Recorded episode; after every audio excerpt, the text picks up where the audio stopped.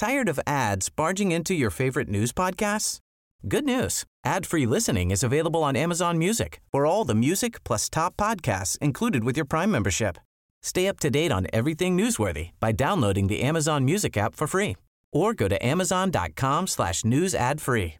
That's amazon.com slash news ad free to catch up on the latest episodes without the ads. We have a new name for the coronavirus. The World Health Organization has officially called it COVID 19. Co for corona, Vi for virus, D for disease, and 19 because it started last year. The name, though, of course, isn't the most pressing concern. On Monday in China, it suffered its highest number of deaths in one day. 103 people died just in Hubei province alone. The overall death toll in China is now over 1,000, and more than 40,000 people have been infected worldwide. Hej!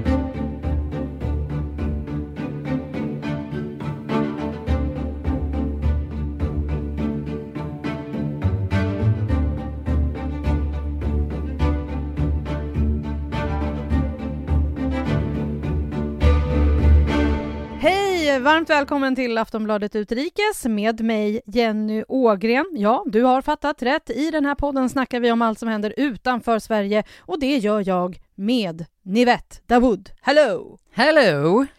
Nivette, vi har båda två gröna klänningar på oss idag utan att ringa varandra innan.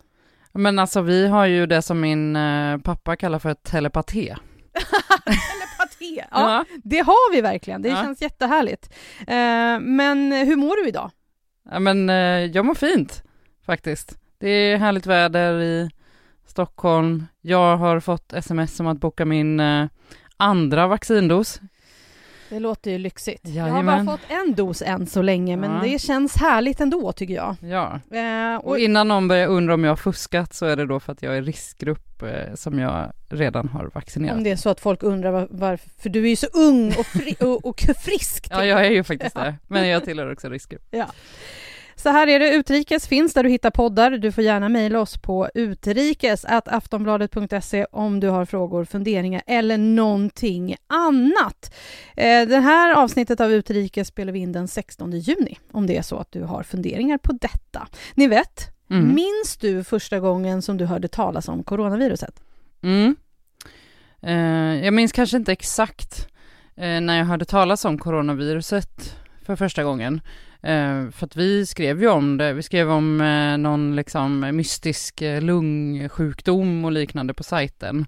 Men jag minns väldigt, väldigt väl när jag kom till jobbet där på måndagen eh, sista veckan i januari och mina kollegor hade startat igång en eh, live-rapportering om den här mystiska smittan i, eh, i Kina som det var då.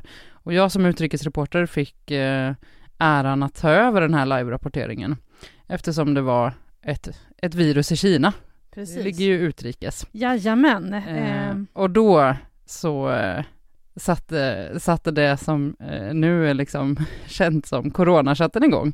Och den är ju fortfarande igång på, på aftonbladet.se, så det, jag kommer nog aldrig glömma det där. Nej, det blev ditt liv helt enkelt. Ja. Eh, du som lyssnar kanske också minns första gången du hörde talas om coronaviruset. Inte tänkte vi väl då ändå att det här skulle ta ett sånt grepp om vår värld och förändra allting. För visst, vi hade ju hört om pandemier tidigare, men inte på det här sättet i modern tid.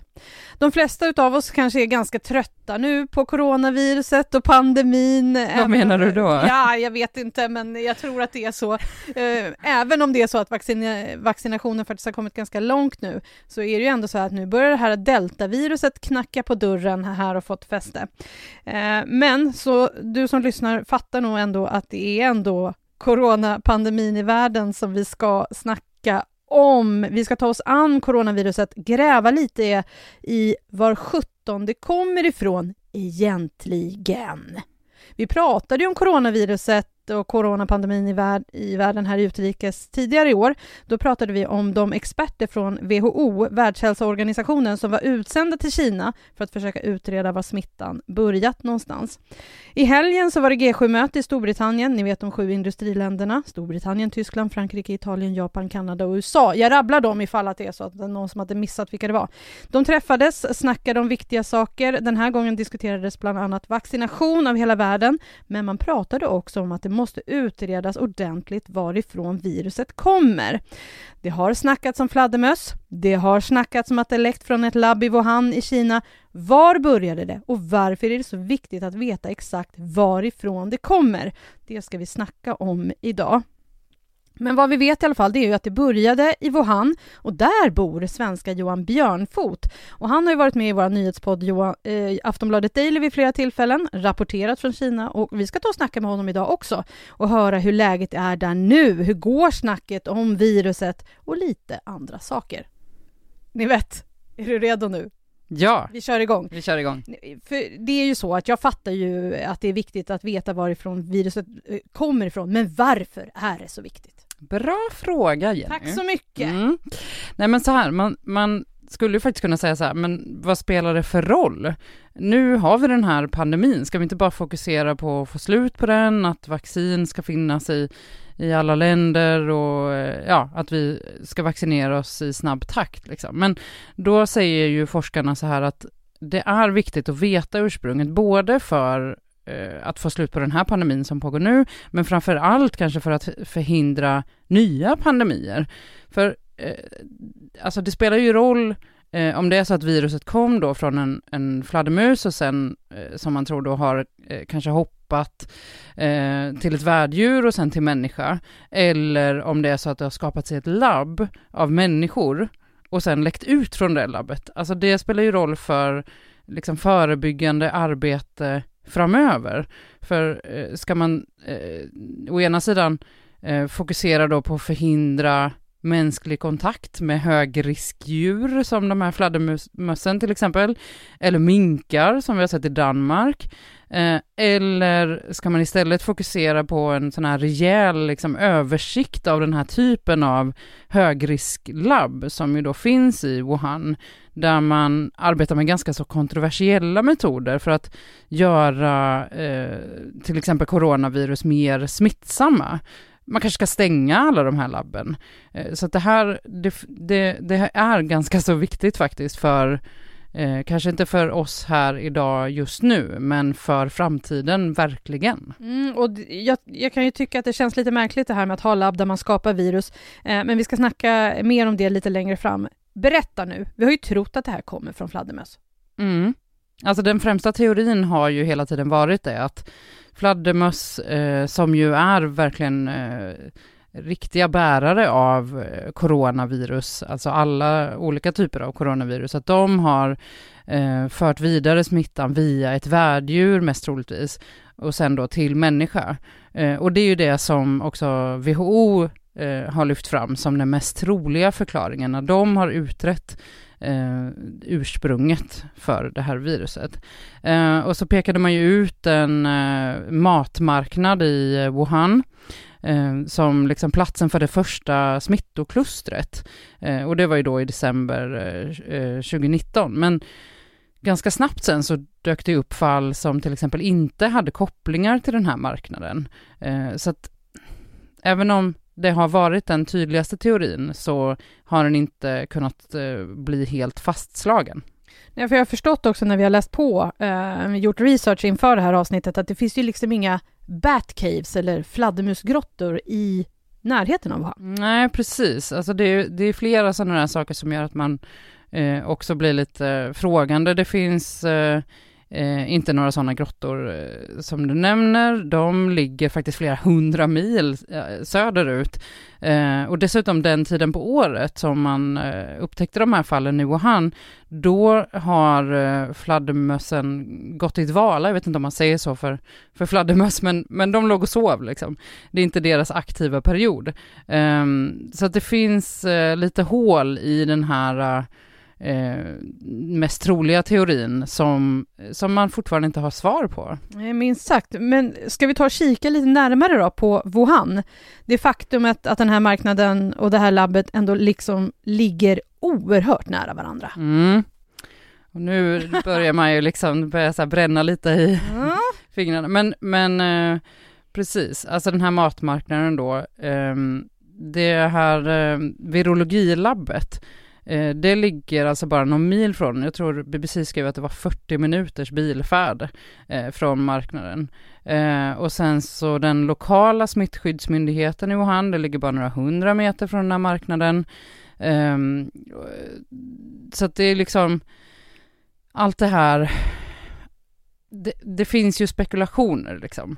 Eh, men, men faktum är att den här teorin då om att smittan skulle ha skapats i ett labb och läckt ut, alltså det har ju framförallt sett som en konspirationsteori eh, och, och, som har liksom spritts av personer som har en eh, en eller annan anledning att smutskasta Kina, eh, om man ska liksom verkligen så här hårdra eh, hur det har låtit i alla fall, eh, senaste ett och ett halvt åren. Och, ehm, faktiskt, eh, vår egen, alltså myndighet, Myndigheten för samhällsskydd och beredskap, MSB, de har ju eh, i en rapport skrivit om konspirationsteorier och lyft att det här är liksom en ganska tydlig konspirationsteori. Men då, fram tills nu, mm. under den här våren.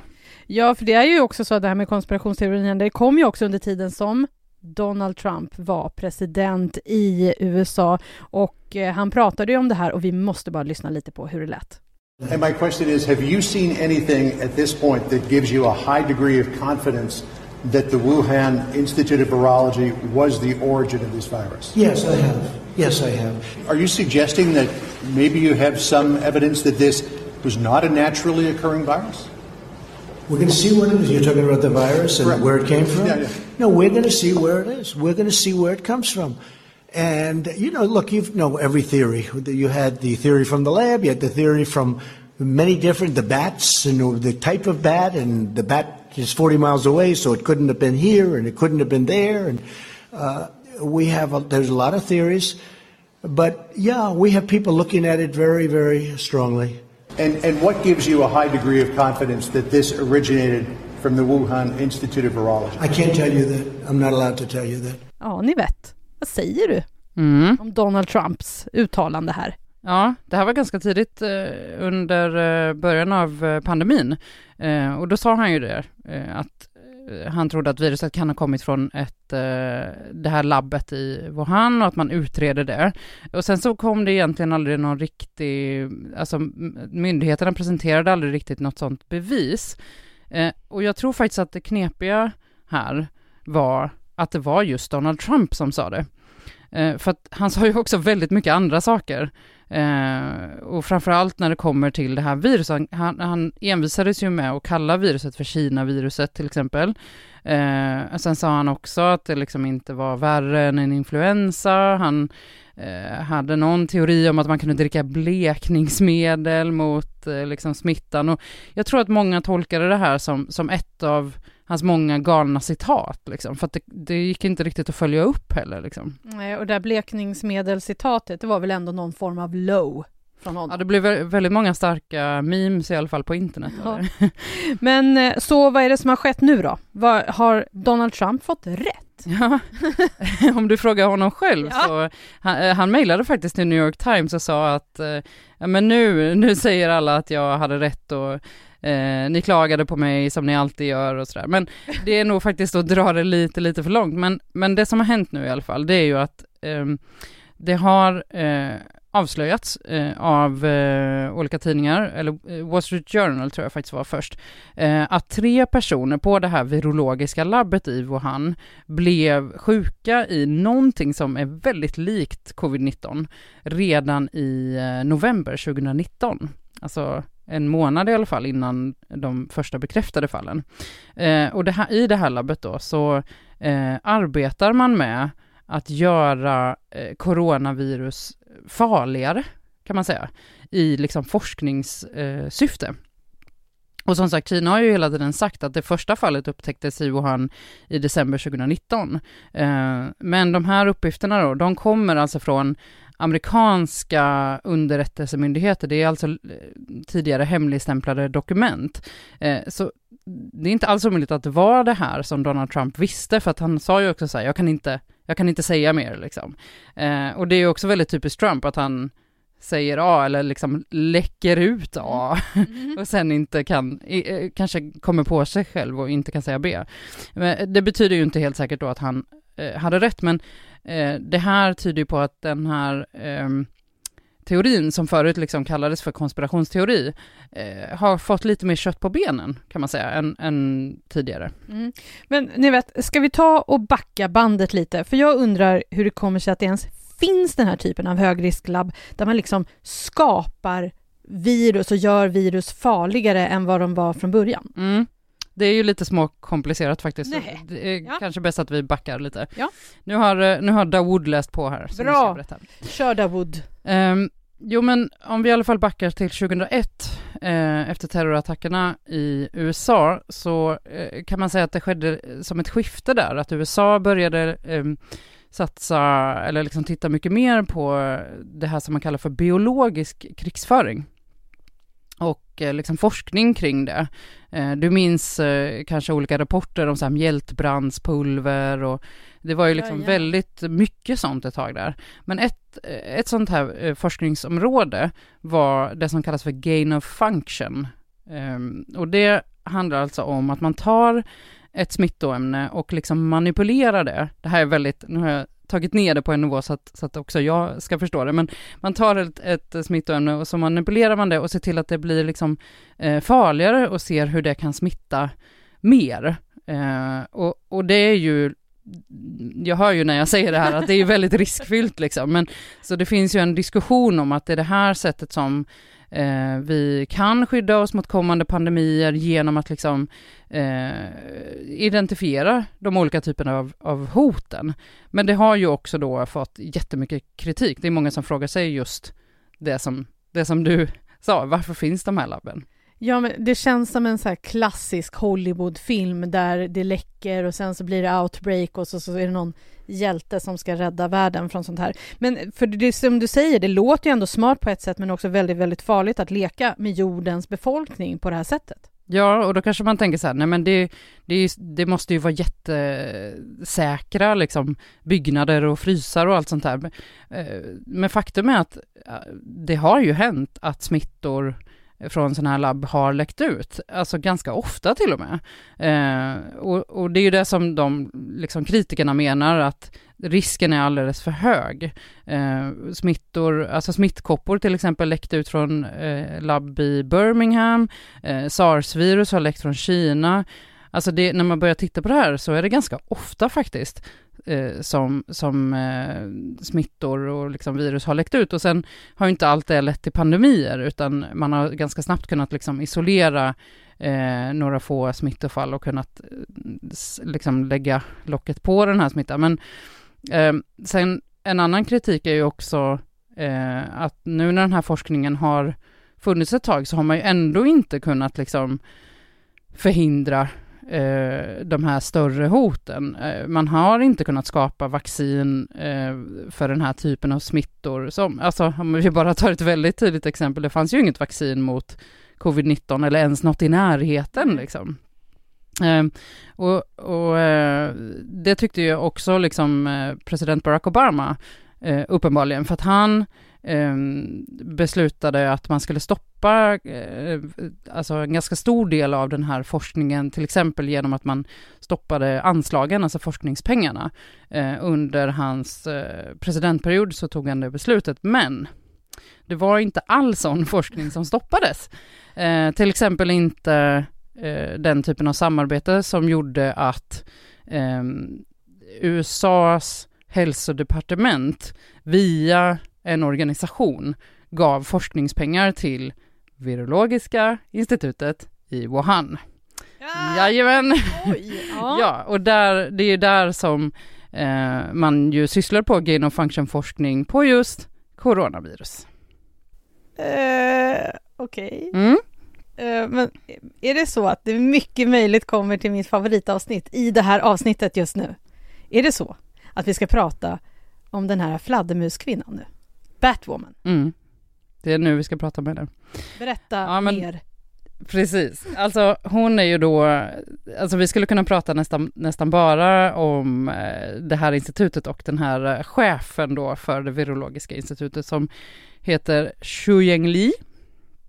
Mm. Eh, ingen aning om ifall jag uttalat det rätt, men eh, så heter hon i alla fall. Eh, och Och eh, hon är alltså en av de personer som har fått pengar från USA för att forska på coronavirus hos fladdermöss och hur man på olika sätt kan göra eh, virusen farligare, mer smittsamma, eh, bland annat på liksom en annan värld då. Och till exempel så har man använt sig av möss där.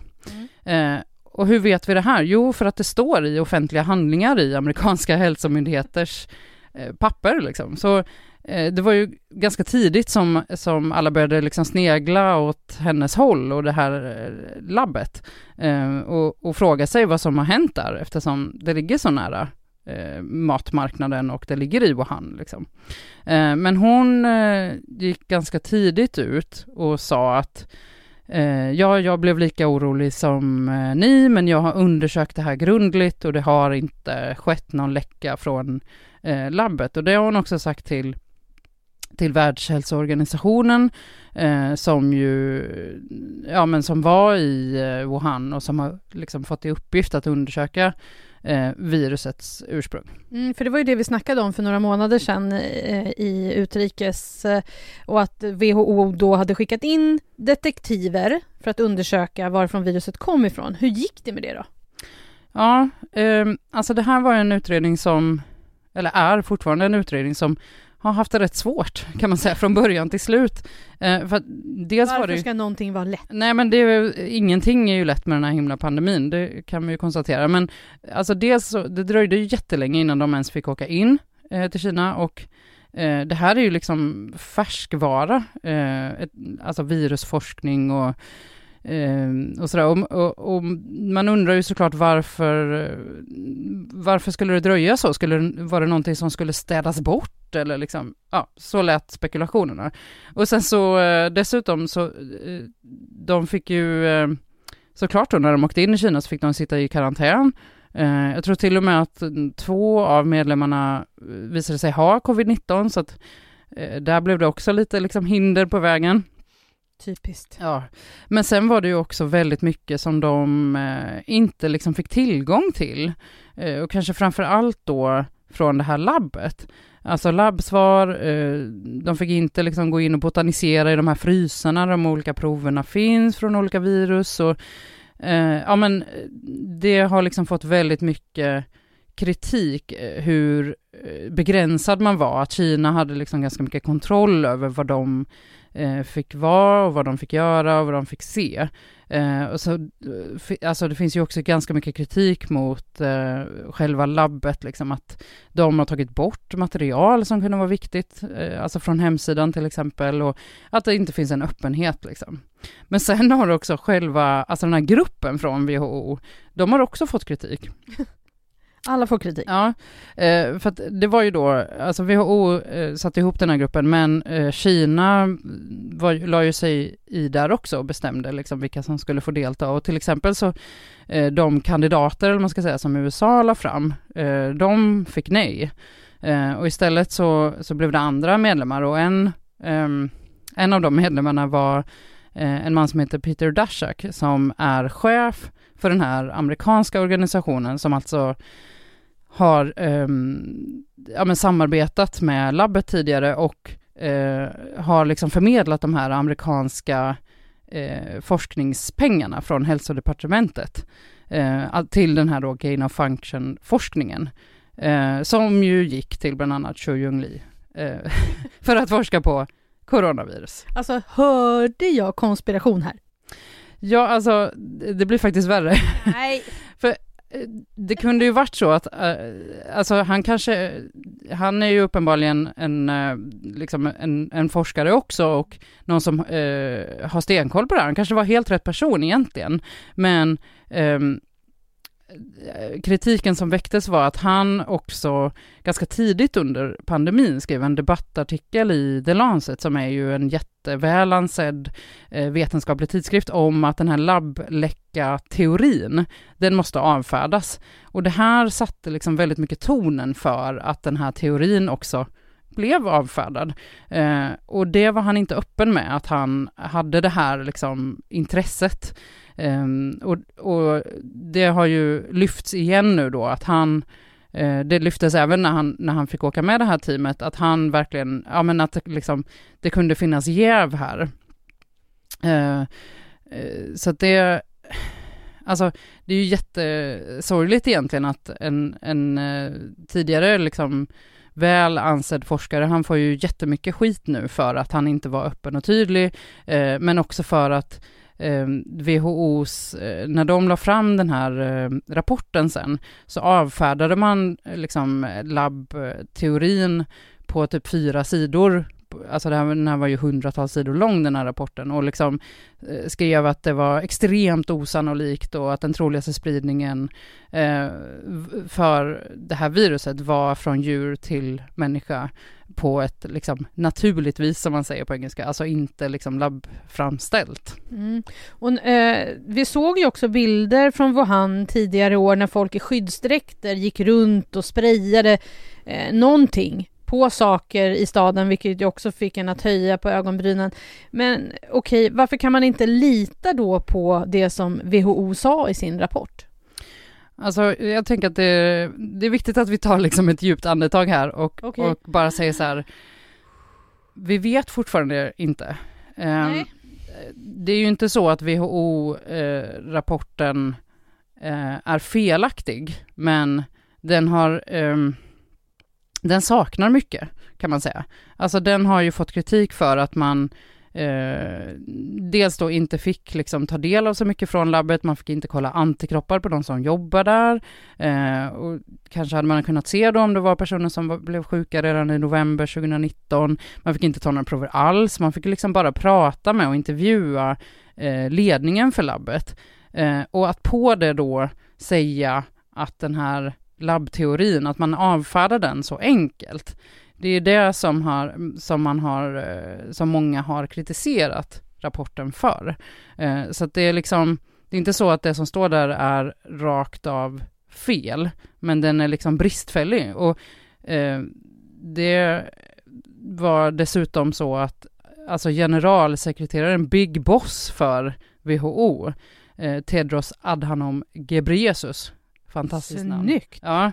Eh, han sa ju själv, alltså kort efter att rapporten presenterades nu i år då, eh, att alla teorier fortfarande finns kvar på bordet eh, och att rapporten är liksom en början men att utredningen är inte färdig och eh, att man inte har eh, avskrivit eh, teorin om en labbläcka, mm. även om den då kallades för osannolik av det här teamet. Sen är det ju så, Kina är ju ändå Kina. De styr ju helt och hållet vilken information som kommer ut när det gäller det här, eller hur? Ja, och det är ju också liksom en, en del av det här och en del av kritiken, eh, liksom att WHO-teamet var så himla styrda, för att vi vet ju, den kinesiska regeringen kontrollerar forskningen, även den som har varit kring eh, coronaviruset och även kring covid-19. Och, så att de har ju verkligen kunnat kontrollera också vilka teorier som har fått lov att spridas, eller vad man ska säga. Eh, och det är ju många Kina-kännare som, som eh, säger att det här med labbläckan, att det liksom avfärdades eh, så tidigt som en konspirationsteori.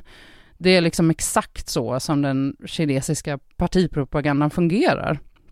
Att de lyckades där och att de kunde, på, på ett sätt så kunde de eh, det passade så bra på något vis, det här låter ju hemskt, men det passade liksom bra eh, att rasismen mot asiater också ökade samtidigt, för då kunde man gömma undan den här frågan om ursprunget i liksom det täcket eh, och säga att det här är också rasism. Eh, att liksom, och så kom Trump in och kallade det för Kina-virus. Alltså allt det spelade ju ett jätte, liksom välspelande piano kan man säga.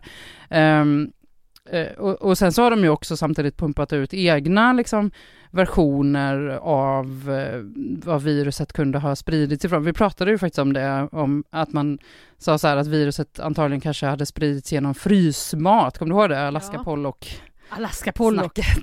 det kommer jag aldrig glömma. och sen är det ju, man kan ju inte heller liksom bortse från att det är inte första gången i så fall, om det skulle vara så, som Kina faktiskt döljer ett eh, virus ursprung. Eh, och det fick man ju väldigt mycket kritik för att man gjorde under eh, sars-epidemin under början av 2000-talet. Eh, å andra sidan, då kanske man inte gör om det misstaget igen, för att det var verkligen, det var stenhård kritik mot det. Eh, och, och liksom, eh, det där var ju någonting som vi reportrar tidigt frågade Folkhälsomyndigheten om. Kan man lita på Kina i det här? Mm. Uh, och då var ändå WHOs bild, för det är de som har liksom haft den löpande kontakten med Kina, att ja, de är mycket mer öppna nu kring vad som händer med smittan. Och det kan man också se i när de rapporterade, och liksom att uh, de skrev upp uh, antalet smittofall och sådär för att de hade fått upp ja, bättre rutiner kring sin statistik. Men det är ju liksom, när Trump säger att man kanske inte kan lita på Kina, då eh, man behöver ha den här förståelsen för att fatta att ja, han kanske inte, han, eh, det är inte 100% fel det han säger, sen så blir det allt lite mer kryddat när det kommer med med Trump-budskap. Liksom. Ja, det var vi ju vana vid under fyra års tid. Mm. Men nu då? Då ska det här utredas. Giganterna i G7-länderna hade möte i helgen bland annat och pratade ihop sig och vill nu se en ordentlig utredning. Mm. För att sen det här kom då, jag tror att den allra första artikeln som, som lyfte att liksom labbteorin det är nog ingen som säger så här, det, är, det kommer från ett labb, jag vet det, utan eh, alla säger ju liksom nu att labbteorin måste åtminstone utredas mer eh, för innan vi kan slå fast var ursprunget kommer ifrån. Och det eh, är ju som sagt dels eh, utifrån de här artiklarna om eh, alltså den egna amerikanska underrättelsemyndighetens liksom, rapporter, men också forskare som, som säger att eh, vi var för snabba med att avfärda den här teorin. Eh, det har kommit mycket mer sådana eh, artiklar nu på senaste, så opinionen har ju verkligen eh, vänt. Och dessutom så har ju nu också USAs president, nuvarande president Joe Biden sagt att vi, vi behöver en ny underrättelsegenomgång av det här, där man tar in alla möjliga teorier och gör en rejäl utredning. för en sån hintade ju Trump om att man gjorde Eh, Eh, men, eh, men den har liksom inte, jag tror till och med att det var så att Biden liksom la ner den och nu sätter han in en egen liksom. Eh, och Storbritannien har också stöttat den idén och sen som liksom pricken över i så kom ju också G7-mötet överens om att i ett, liksom ett sånt här gemensamt uttalande eh, att ursprunget måste utredas mer. Eh, och det är ju liksom, ja, man kan verkligen säga att opinionen har eh, vänt i frågan. Och kanske är det bra faktiskt att just för den här frågan eh, att Trump inte är president, för då överskuggas inte den här frågan av den rasism som faktiskt kom med allt som han sa om coronaviruset, utan nu kan det bli en mycket mer så här, vad ska man säga, forskningsfokuserad eh, utredning som kanske kommer fram till att, eh, att viruset spreds på naturlig väg.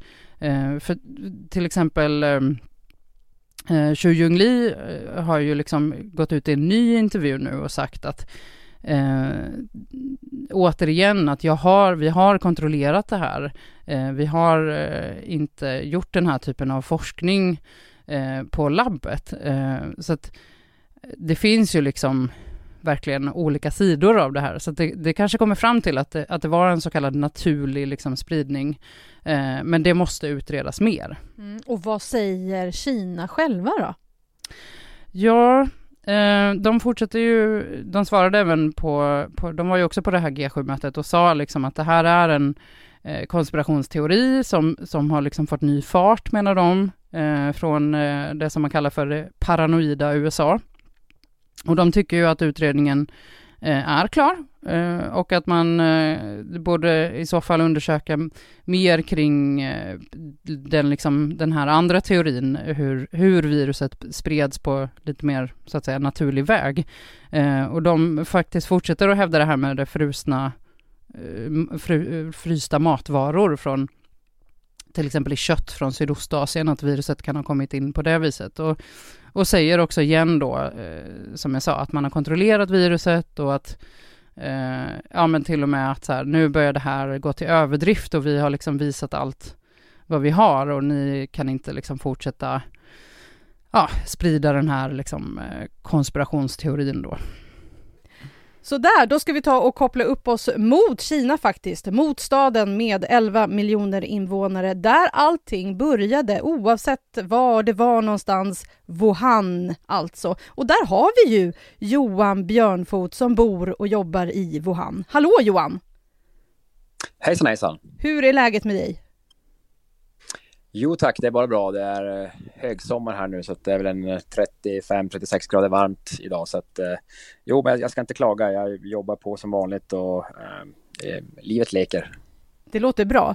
Du, du jobbar ju, för de som inte känner till dig, du har ju varit med i Aftonbladet Daily några gånger och även varit på aftonbladet.se och berättat om läget i Wuhan. Du jobbar som hockeytränare i Wuhan. Hur går det just nu?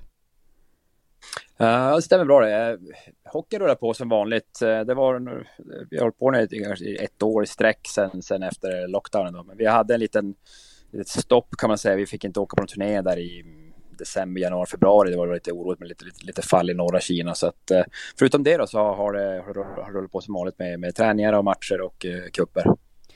Johan, när du och jag pratade i februari så sa du att du skulle få vaccin i typ mars-april. Hur har det gått? Ja, det stämmer bra. Jag, jag fick min första dos i april och min andra fick jag i, i maj månad. Så att jag, är, jag är fullvaccinerad. Och va, det låter jätteskönt. Och det som vi pratar om här hemma i Sverige är också så här, vad har man fått för vaccin? Vad har du fått för vaccin? Eh, jag fick eh, Sinopharm, tror jag heter det, det kinesiska då, så att det, eh, det var inte så mycket att välja på, utan det var bara, man fick, det, man fick ett vaccin och det, det tog man. Okej. Men du, hur är det nu då att leva i Wuhan så här, ja, nästan ett och ett halvt år senare? Uh, ja, det är ju, det finns ju, vad ska jag säga, det känns som att man, vi har levt ganska normalt. Uh, sen är det nu vad, vad som är normalt uh, idag är lite, lite annorlunda än vad, vad man tyckte för kanske för, ja, innan, innan, innan pandemin bröt ut. Och så att man, man, ansiktsmask har man fortfarande här i Wuhan man kollar febern. Man, man, förut var det att manuellt kollar man febern överallt, men nu har man så här satt upp typ, typ något, ungefär som att gå in på en flygplats, man skannar av så att man, det kollas febern stort överallt, men nu är det inte någon människa som står, utan man, det är bara en, det piper till där man går in och man, det, de tar uh, så rörelsedetektor och så kollar de värmen då, så att det, Sen lite manuella tester har man gjort nu eftersom det har varit utbrott i Shenzhen och i, i Guangzhou. Så nu, det, så det området jag bor i, det man, man går in i, så communityt, så bostadsområdet, så, så måste man, så där är, så där är en en man som, bör, som har börjat kolla nu de sista tre, fyra veckorna bara. Det gjorde man inte. Det har man inte gjort de senaste tre, eller man går tillbaka fyra, fem, sex månader så har det, det har inte funnits några sådana tester. Hur märker man av att det är en pandemi ändå runt om i världen? Ehm, det är att det jag, jag, kan inte resa, eh, det, är svårt att resa, resa ut ur Kina, eller jag kan ju resa ut ur Kina men det är svårt att komma tillbaka då. Eh, man märker att det är väldigt få utlänningar som blir i Wuhan också för att det är inte lätt, det är näst, näst, jag tror att det är nästan till omöjligt att komma som turist bara och åka in, om du inte har tagit det Uh, men om du inte är fullvaccinerad med, med, med kinesiska vaccinet som jag förstått det. Då, så att, men det är, ska du också in i Kina, om jag skulle åka iväg till Sverige till exempel, och jag har ska utnyttja min, min, min, mina fyra veckors semester så är det kanske en tre veckor jag sitter i, i eh, uh, som jag får sitta på ett, uh, vad, vad, kallar man det? jag får sitta, sitta på ett hotellrum och, och vänta och ta, göra massa tester innan jag är okej okay och kommer ut, kommer ut i, i, i samhället igen då. Karantän heter det. Ja, just det. Men du, hur, hur går snacket då i själva Wuhan kring viruset? Uh, man pratar en hel del, uh, där i januari, februari var det när, när WHO skulle komma in och kolla, för då vill man, så, så, så, de, många var intresserade av okay, att varifrån kom det, kan man få svaret på det nu? Så då var det en hel del snack att WHO skulle komma in då. Och så gjorde man ju utredningen där att, liksom att det var en att det var en liten risk att det skulle kunna komma från ett labb, att det var, det var det, den största sannolikheten var att, att det kom från, från, från, från, från, från smittat från djur till, till människa. Då, så att, sen efter det så har man inte, så, i alla fall de jag umgås med, så har, det, har man inte diskuterat det ursprungsteorierna speciellt mycket, eller inte alls skulle jag säga. Då. Men däremot så är man, man följer ju det här med alla mutationer som sker, och speciellt nu den sista här då, med den, den indiska varianten. Ja, precis. Den som eh, numera kallas för delta-varianten. Hur pratas det om den i eh, Wuhan? I Sverige så är det nästan det enda som folk pratar om nu. Ja, precis. Det har blivit eh, en liten, liten rädsla här också. Så att, eftersom det, det dök upp just den här deltavarianten i, eh, i Guangzhou, i Shenzhen och vad jag förstod så var det väl någon som hade varit, hade fått vaccinet också. Jag vet inte, det, det här är inte bekräftade uppgifter, men det man pratar om att, att det var någon som hade fått vaccin och ändå hade eh, blivit, blivit dålig. Och så vet jag inte om den personen har fått en dos eller två doser, det har jag ingen, har ingen aning om. Det. Men man, man, blev, man kände en oro, man kände direkt att ja, man, ing, de som hade planerat på kan, kanske snart börja resa utanför Kina.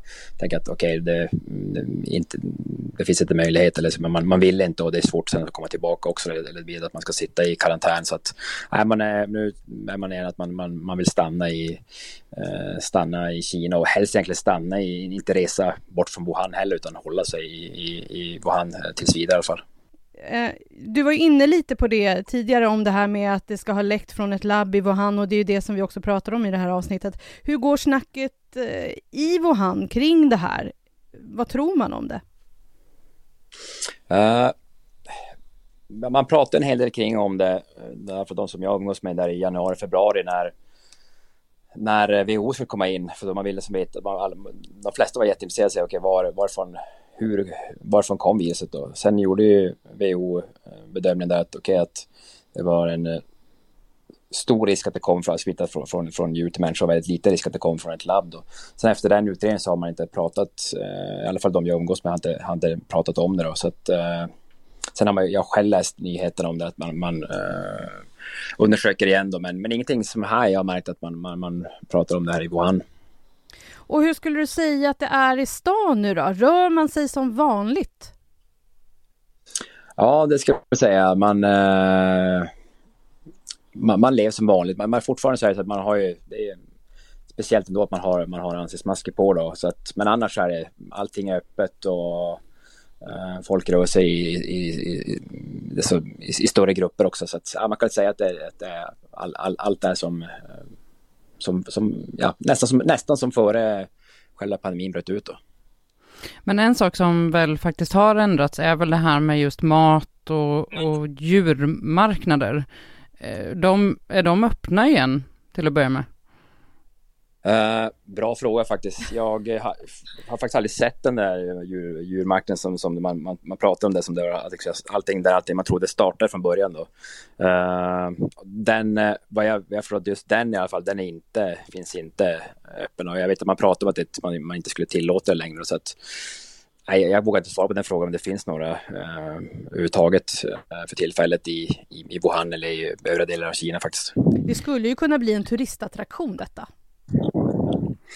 Ja, faktiskt. Det var nog ganska många människor som, som ville veta eh, just den där eh, i Hanko, den stadsdelen, eh, just, just den båtfiskmarknad som fanns där. Som, som, det var ganska många, som, många nyheter, många nyhetskanaler i hela världen som pratade om den de där veckorna i slutet på maj, eller slutet på januari 2020, början på februari. Men är det så att man håller sig gärna borta från det området eller är det därför som du inte helt vet hur det ligger till med de här marknaderna? Eller hur? Ja, exakt. Ja, men jag kan tänka mig att alltså, den, den, den fick en ganska dålig publicitet, den, den marknaden, så jag tror att man, jag, jag, jag kan tänka mig att den har man stängt igen och där har man ingen, ingen, ingen större Uh, inga, inga, inga marknader överhuvudtaget kan jag tänka mig. Jag tror att det stället är ganska lugnt. Jag tror inte så många som, som, som vill vara i det området. Uh, I alla fall vet jag de som diskuterar i min i mina närmsta som, som jag jobbar med dem, så att, men där är det inte så mycket aktivitet. Uh, har, har varit efter, efter, den här, uh, efter det utbrottet. Johan, du pratade lite om att det kan vara svårt att komma tillbaka in i Kina om man reser därifrån. Hur ser dina planer? Jag vet att du kan, inte har varit hemma i Sverige på länge. Hur, hur ser det ut? När kan du och eh, får du åka hem igen? Och hälsa uh, på? Alltså, ja, precis. Jag uh, vill verkligen uh, åka hem så fort, det, så fort det bara går. Men som det ser ut nu, där, som sagt med den här delta-varianten så ser det lite, lite mörkt ut. Så att jag är själv mentalt inställd på att det kommer inte att bli under 2021 utan jag, jag hoppas på att kanske början på 2022 ser det bättre ut och då ska jag så fort det är möjligt då, uh, åka, åka på en längre semester hem till Sverige. Tack för idag Johan. Ja, tack så mycket själv. Okej, ni vet, eh, vi börjar närma oss slutet på det här avsnittet, men jag vill ändå fråga dig, vad händer om det visar sig att viruset faktiskt har kommit från ett labb? Ja, vad händer då egentligen? Vi, vi såg ju hur känslig frågan faktiskt var på G7-mötet. Eh, och, och tänk om det faktiskt visar sig att Kina har varit ansvarigt för, ett, för spridandet av ett virus som har smittat flera miljoner människor och lett till över tre miljoner dödsfall i hela världen. det skakar ju Kina i grunden, alltså som världsmakt. Eh, och de ligger ju redan på minus. Eh, vi såg ju till exempel vi, flera rapporter om visselblåsare eh, som varnade för viruset och som sen har dött eh, med covid-19. Och, eh, det finns också en del skepticism kring Kinas siffror eh, om smittade och döda. Så att, ehm, och man kan ju liksom fråga sig varför, om de nu själva inte eh, tror på den här teorin om, om en labbläcka, varför öppnar man inte upp då för en genomgående undersökning så att frågan liksom en gång för alla kan besvaras? Eh, det kanske vi inte, ja, det, det får vi kanske inte riktigt något nå svar på. Sen så, eh, samtidigt så, så finns det de som också är, säger så här att vi kanske inte, vi ska inte vara för snabba med att göra Kina till en syndabock för att vad, då kanske de slutar sig ännu mer, då kanske vi aldrig liksom får eh, svar på det här. Men oavsett, alltså det, man kan ju verkligen eh, konstatera att relationerna mellan Kina och omvärlden, kanske framför allt USA, är liksom väldigt påfrestade av det här just nu. Eh, för det här har ju också fått liksom konsekvensen att man pratar om, eh, framförallt i USA, om det här med gain of function, eh, forskning. Eh, för det är ju trots allt så som vi sa, att USA har bistått ekonomiskt eh, till den här typen av forskning. Eh, så om det skulle visa sig att eh, det här har skett från ett labb i Kina, liksom bekostat av amerikanska pengar, ja vad händer då? Vad händer då? Ja, det är ju, det är ju enormt. Ja, det är det. Ja, jag har svårt att, att liksom blicka fram och se, men det, det är ju, ja, det måste ju utredas om inte annat. Mm. Tror du att vi någonsin får ett svar? jättesvårt att säga därför att det har ju gått också så himla lång tid och det är, eh, det är ju svårt att veta vad vi inte vet. Vad har städats bort? Vad, vad finns det i de där frysarna?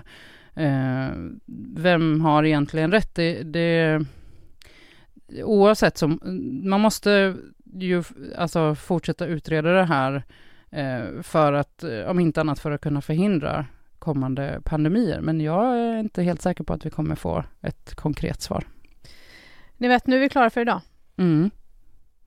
Vi lämnar er med frågetecken. Nej, om ni har frågetecken så kan ni alltid mejla oss här på eh, utrikes.aftonbladet.se. Du hittar också Aftonbladet Utrikes där du hittar poddar i din poddspelare. Följ oss gärna så missar du inte när det kommer ut ett nytt avsnitt. Nu säger Jenny Ågren och Nivet Davoud, vad kallade jag dig för? Jag vet Nivet Davoud för idag. Eh, tack för idag Nivet. Tack själv. Ha det fint. Hej då!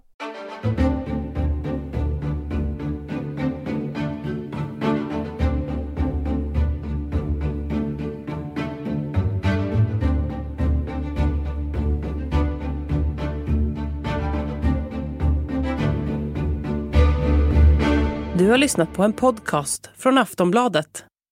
Ansvarig utgivare är Lena K Samuelsson.